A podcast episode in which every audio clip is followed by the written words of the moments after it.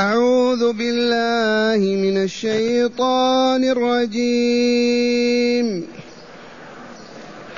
قال أولو جئتكم بأهدى مما وجدتم عليه آباءكم.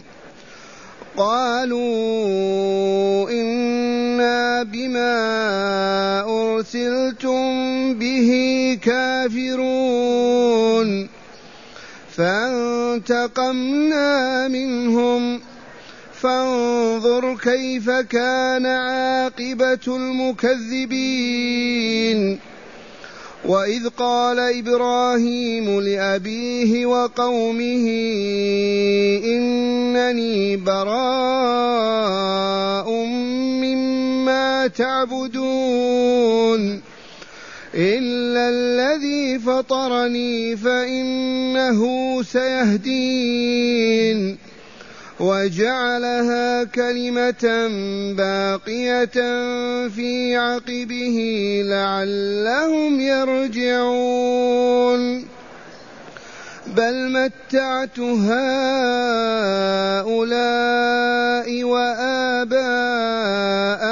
حتى جاءهم الحق. حتى جاءهم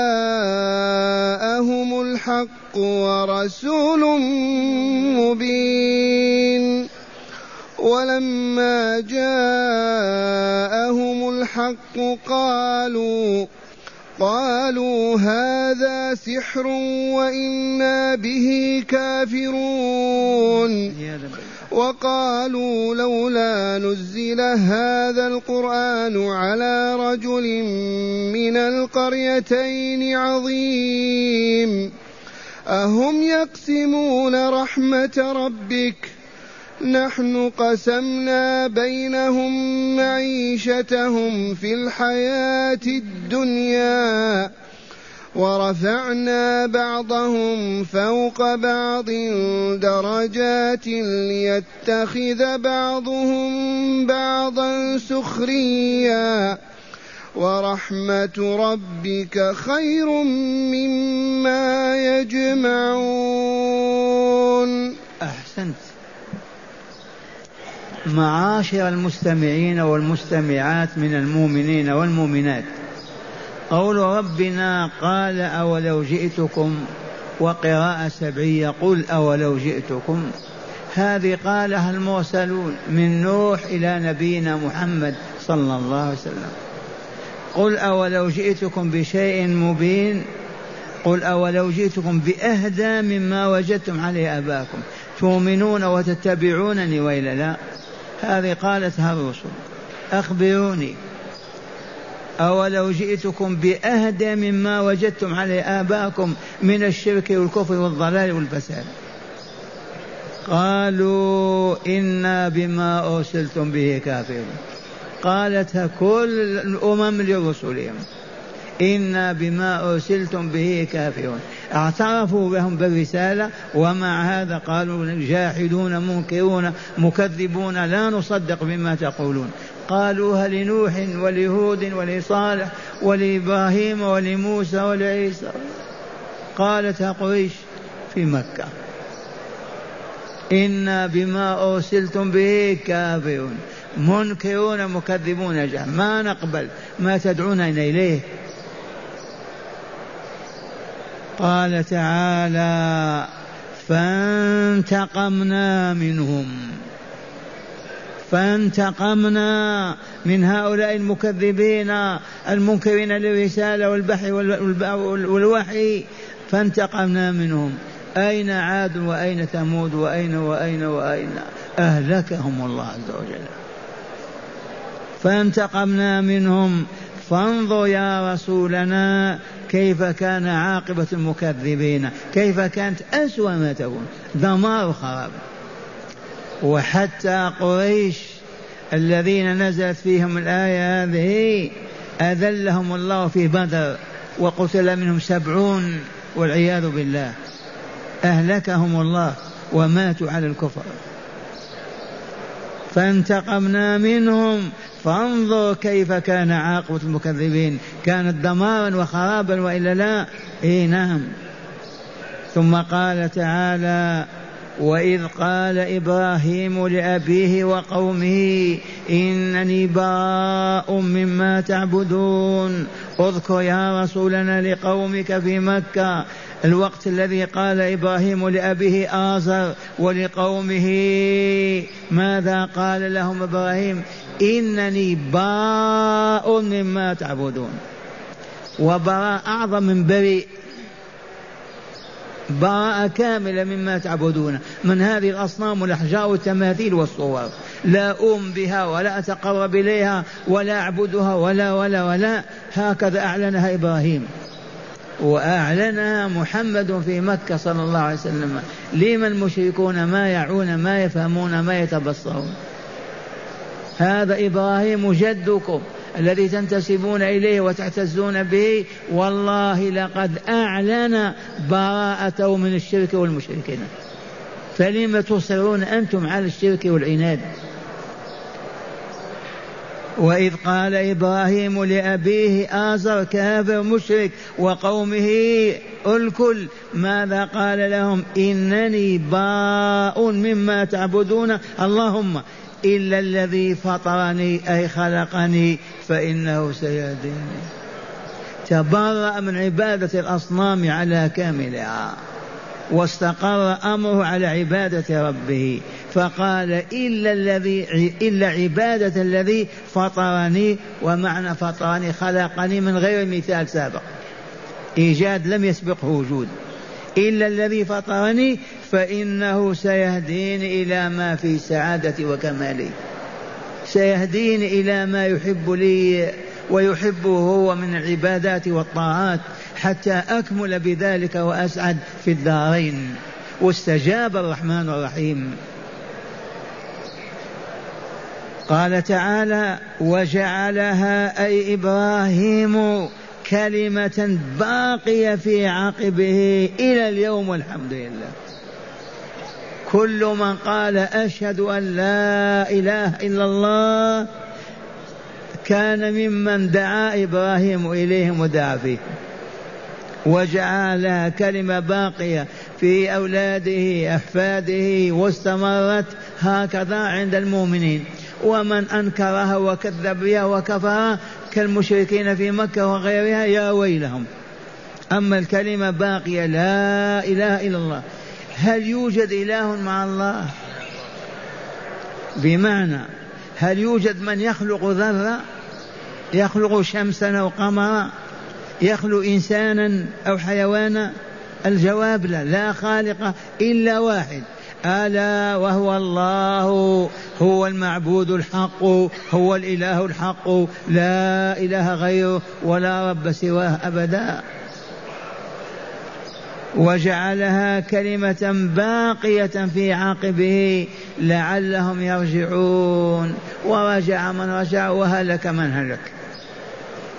ثم قال تعالى بل متعت هؤلاء وآباءهم يشير هنا إلى مشركي قريش في مكة وما حولها. بل متعت هؤلاء وآباءهم وأجدادهم حتى جاءهم الحق ورسول مبين. ما أهلكتهم كما أهلكت قوم عاد وثمود وصالح. بأبقيناهم ومتعناهم بالحياة قرونا في مكة. بل متعت هؤلاء وآباءهم بالحياة حتى جاءهم الحق ورسول مبين. من هذا الرسول؟ هذا محمد صلى الله عليه وسلم. ما هذا الحق الذي جاءهم القرآن الكريم وما يحويه من الشرائع والعبادات والأحكام؟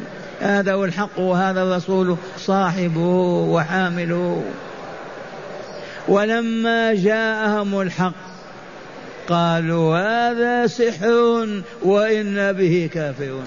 والله هكذا قالوا. في مكة. قالوا للرسول هذا الذي يقول محمد كله من السحر والتضليل فقط ونحن ما نؤمن به نحن به كافرون. أعلنوها صراحة. أبو جهل والوليد بن المغيرة فلان وفلان وفلان.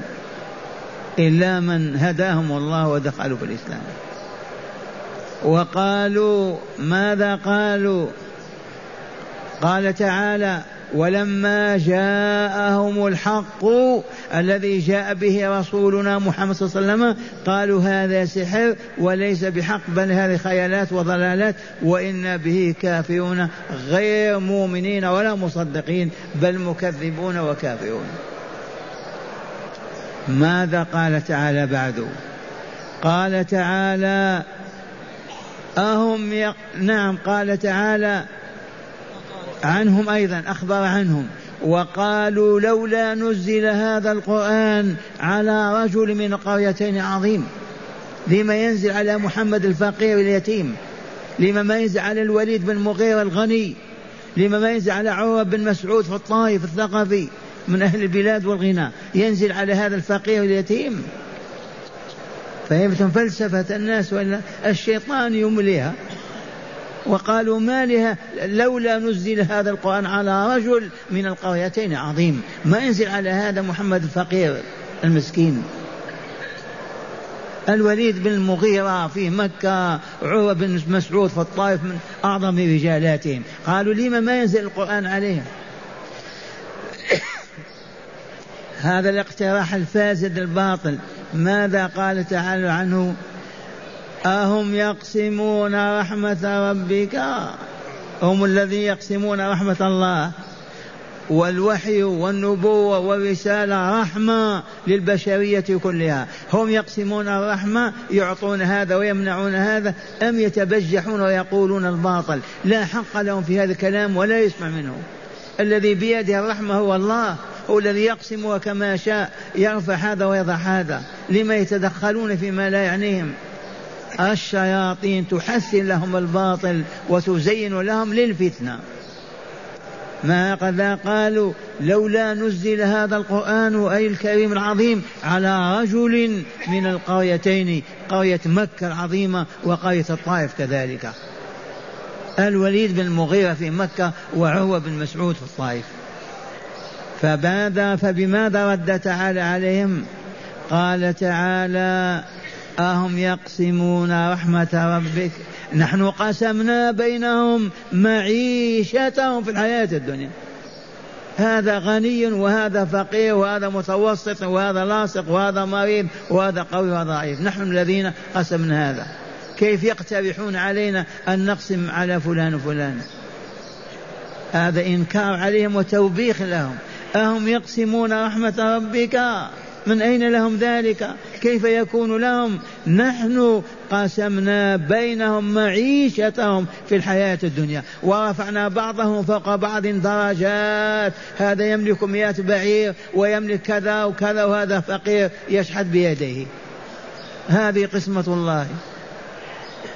ورفعنا بعضهم فوق بعض درجات متفاوتة. والسر في ذلك والحكمة والعلة قال ليتخذ بعضهم بعضا سخريا وليس من السخرية الاستهزاء سخريا أي عملا. وهذه سنة الله. لو أغنى الله أهل المدينة من أين يجدون العامل؟ مثلا لو أغنى الله أهل مكة كلهم وقريش من يخدمهم؟ لا بد من وجود فقراء يعملون للأغنياء. ذي سنة العليم الحكيم. تدبير الله. ليتخذ بعضهم بعضا سخريا أي عملا وخدمة لهذا أغنينا فلان وأفقرنا فلان. أغنينا وأفقرنا عبادنا وبين عبادنا لهذه العلة. ليتخذ بعضهم بعضا سخريا لو كانوا أغنياء من يحرث الأرض؟ من يزرع؟ من يحصد؟ من كذا؟ من كذا؟ من كذا؟ من يبني؟ من يهدم؟ هذا تدبير العزيز العليم. سبحان الله العظيم. سبحان الله العظيم. هكذا يقول تعالى أهم يقسمون رحمة ربك؟ نحن قسمنا بينهم معيشتهم في الحياة الدنيا ورفعنا بعضهم فوق بعض درجات أي في الغنى والمال. لماذا فعلنا هذا؟ قال تعالى ليتخذ بعضهم بعضا سخريا أي خدما وعملا. وأخيرا ورحمة ربك خير مما يجمعون من قناطير الذهب والفضة. ورحمة ربك خير مما يجمعون من الأموال والتراث وما إلى ذلك. سمعتم هذه الآيات؟ هذا كتاب كلام الله. لما ما نتدارس دائما هكذا؟ ما المانع؟ هيا بنا نسمع هداية الآيات ما فيها من هداية. بسم الله والحمد لله. والصلاة والسلام على خير خلق الله سيدنا ونبينا محمد وعلى آله وصحبه. من هداية هذه الآية من هداية هذه الآيات أولا من الكمال العقلي أن يتبع المرء الهدى ولو خالفه قومه وأهل بلاده. من هداية هذه الآيات التي تلوناها وتدارسناها. من هداية أن على العاقل أن لا يتبع قوم وأهل بلده بل يتبع الحق حيثما يأتي إليه ويصل له. منين أخذنا هذا؟ ما قالوا بل نتبع ما وجدنا عليه آبانا فأعرضوا عن دعوة الله وكتاب الله ورسول الله قالوا نتبع ما وجدنا عليه آبانا. فمن هداية هذه الآية لا تتبع قومك وأهل بلدك أو أهل بيتك بل اتبع الحق حيثما يأتي إليك الحق. والعوام كذا نحن مالكية. ما نقبل هذا الذي تقول.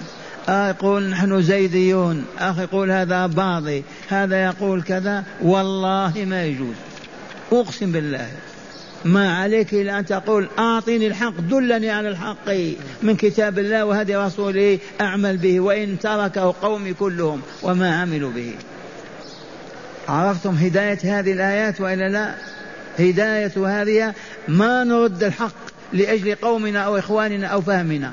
لا بد وأن نذعن للحق ونقبله من حيث أتانا. المشركون قالوا لا لا لا ما وجدنا عليه آباءنا أفضل. ما نتبع ما يقول محمد. هذا ساحر ودجال ما ردوا الحق بهذا؟ هل رضي الله بها أم أدبهم نعم. ثانيا وجوب البراءة من الشرك والمشركين وهذا معنى لا إله إلا الله. إيه نعم. معشر المستمعين والمستمعات من قال لا إله إلا الله لا يحل له أن يعبد غير الله ولو بكلمة. فجميع العبادات التي نزل بها القرآن وبينها الرسول عليه الصلاة والسلام هي التي نعبد الله بها. فلا يصح أن نركع لغير الله ولا أن نسجد لغير الله ولا أن نذكر غير الله ولا أن ننفق أموالنا لغير الله ولا ولا ما معنا إلا ما جاءنا عن الله ورسوله. به نعبد الله عز وجل. وإلا كنا خائنين في هذه الجملة. تقول لا إله إلا الله وأنت عندك عشر آلهة. هذا تذبح له هذا تصوم له هذا تركع له هذا فإن لا إله إلا الله. من قال أشهد على علم أنه لا إله إلا الله لا يذبح لغير الله لا يصلي لغير الله لا يعطي لغير الله لا يتبع غير الله وهكذا. نعم. ثالثا فضيلة من يورث أولاده هدى وصلاحا. من هداية هذه الآيات فضيلة من يورث أولاده العبادة والطاعة. يربي أولاده في بيته على الإسلام على الإحسان على الإيمان. يكبرون يدعون له ويصلون عليه إذا مات ويستغفرون له. ينتفع نفع كبير. منين أخذنا هذا؟ إبراهيم ماذا قال؟ وجعلها وجعلها ع... كلمة. كلمة باقية في عقبه أي في أولادي وأولاد أولادي لعلهم يرجعون. فيستحب للمؤمن أن يخلف بعد وفاته من يدعو الله له. من يستغفر له من يتصدق عليه وهكذا وذلك بتربية أولاده وأحفاده. نعم. رابعا لا يعترض على الله أحد في شرعه وتدبيره إلا كفر والعياذ بالله تعالى. ما من أحد يقترح على الله ويقول لما ما يقول الله كذا أو لما فعل الله كذا أو لما أوحى بكذا من قال هكذا كفر وخرج من الإسلام. فلا يحل لمؤمن أبدا أن يعترض على الله. يقول لما جعل الصلاة خمس مرات؟ أو لما جعل الوضوء في كذا؟ كل من يعترض على الله في حكم أحكامه كفر وخرج من الإسلام بالإجماع. ولا بد إذا من التسليم والانقياد والطاعة لله فيما أمر به ونهى عنه. نعم. وأخيرا بيان الحكمة في الغنى والفقر والصحة والمرض والذكاء والغباء. بيان الحكمة في الفقر والغنى والصحة والمرض والذكاء والغباوة ما الحكمة في ذلك؟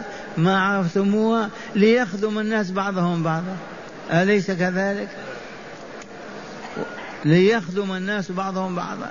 إذ قال تعالى الآية الكريمة وجعلنا أهم يقسمون. أهم يقسمون رحمة ربك. نحن قسمنا بينهم معيشتهم في الحياة الدنيا ورفعنا بعضهم فوق بعض درجات. لماذا؟